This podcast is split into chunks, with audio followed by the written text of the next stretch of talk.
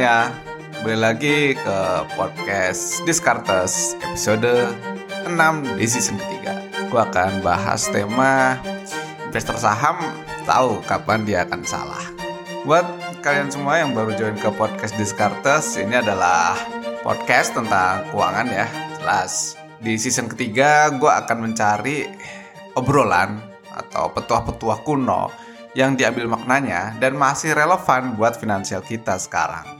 Tokoh-tokoh itu ya kita baca, gue lihat, pasti punya pemikiran besar yang jelas layak kita dengerin. Kemudian ditambah dengan opini pribadi dari gue. Kita mulai. Kenapa gue bahas tentang kesalahan investor?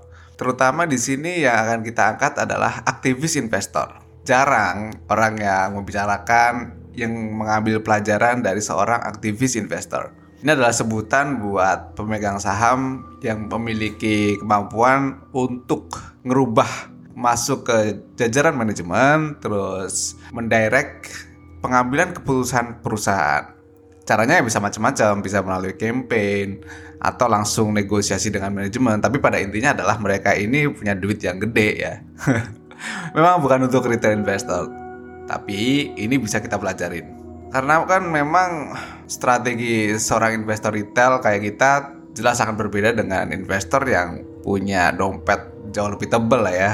Tapi kalau kita nggak bisa mempelajari dari mereka ya rugi. So untuk episode sekarang gue akan ambil makna dari perjalanan seorang Bill Ackman. Buat yang belum tahu, dia adalah seorang fund manager dan juga investor dari Amerika dan terkenal di dua dekade terakhir ini karena aksinya ntar gue ceritain dikit. So let's learn from him. Kalau misalnya kamu nyari di YouTube ya tentang seorang Bill Ackman kita udah masuk ke pembahasan nih. Bakal sering menemukan kekalahan dia. Kekalahan tetapi dia dapat applause nih karena kekalahannya itu. Si Bill itu mengambil short position terhadap Herbalife jadi dulu Bill pernah bilang bahwa Herbalife itu skema piramid, sehingga menargetkan bahwa saham perusahaan multinasional tadi tidak akan bernilai. Makanya pada tahun 2012, Bill mengambil posisi short. Apakah dia untung? Gak. Nope. Di momen tersebut, dia langsung mendapat lawan berat nih. Billionaire juga, Carl Icahn. Ini bisa disebut sebagai perang di Wall Street. Sangat epic. Di berita-berita ekonomi, finansial, investment. Berita ini muncul dan salah satu hot topic ya. Pada tahun 2017, ternyata harga saham Herbalife naik 51%. So, si Bill ini terpaksa berubah nih strateginya. Mau nggak mau dia harus exit dan mengalami kerugian 1 billion dolar. 1 miliar dolar. Sementara si Carl Icahn keluar sebagai pemenang setelah perang ini selama lima tahun bawa duit nih satu miliar dolar. Jadi si Bill KO, Carl Icahn menang.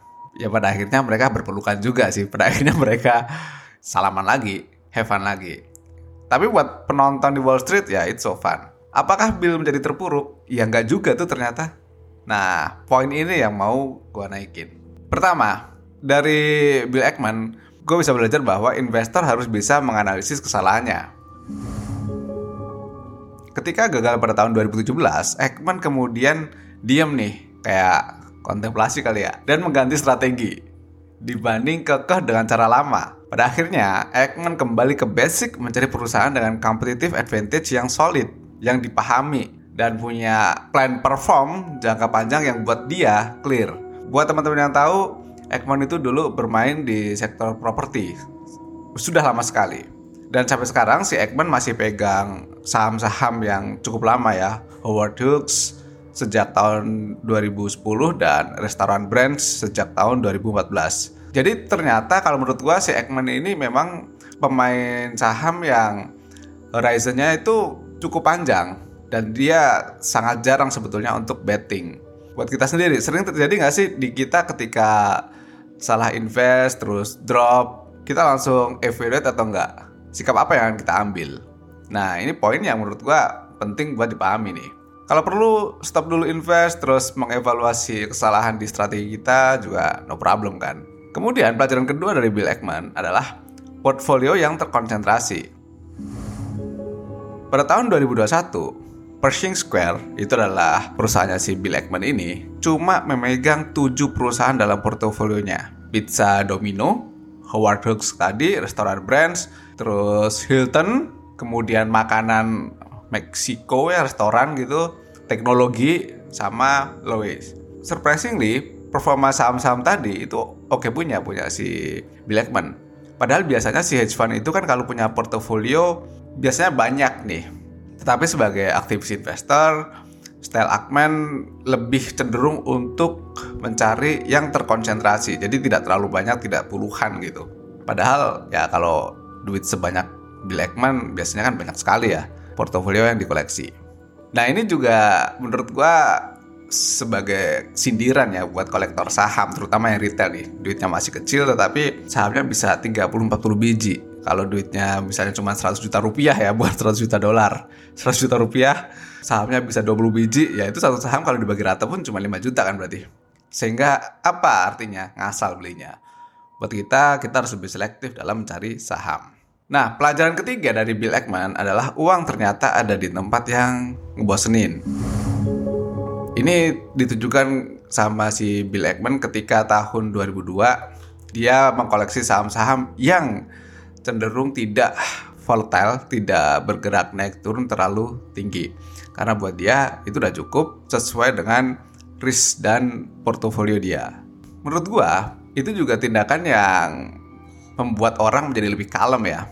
Terkadang bisnis-bisnis yang dipandang sebelah mata karena ngebosenin ternyata ngasilin duit lumayan gitu gede malah. Contoh paling gampang deh, orang jual makanan di dekat kantor atau orang yang dagang pakaian dalam gitu ya. Kelihatannya nggak terlalu heboh, tapi ternyata duitnya gede. Jadi apa kesimpulan dari pembelajaran di episode kali ini? Kelihatannya klise ya, tapi si Ekman ini mengingatkan jika kita mentok menggunakan berbagai cara untuk investasi dan gagal, maka kembali ke basic yang paling gampang dipahami oleh masing-masing investor ke basic principle-nya. At the end, semua investor itu bisa salah. Jadi tugasnya memang tidak zero mistake, tetapi bagaimana biar bisa comeback setelah salah tadi. Yang penting kan ada modalnya. Oke, itu aja dari gue. Mudah-mudahan kalian semua masih bisa cuan. Dan sampai jumpa lagi di podcast Discartes episode selanjutnya. Thank you and bye-bye.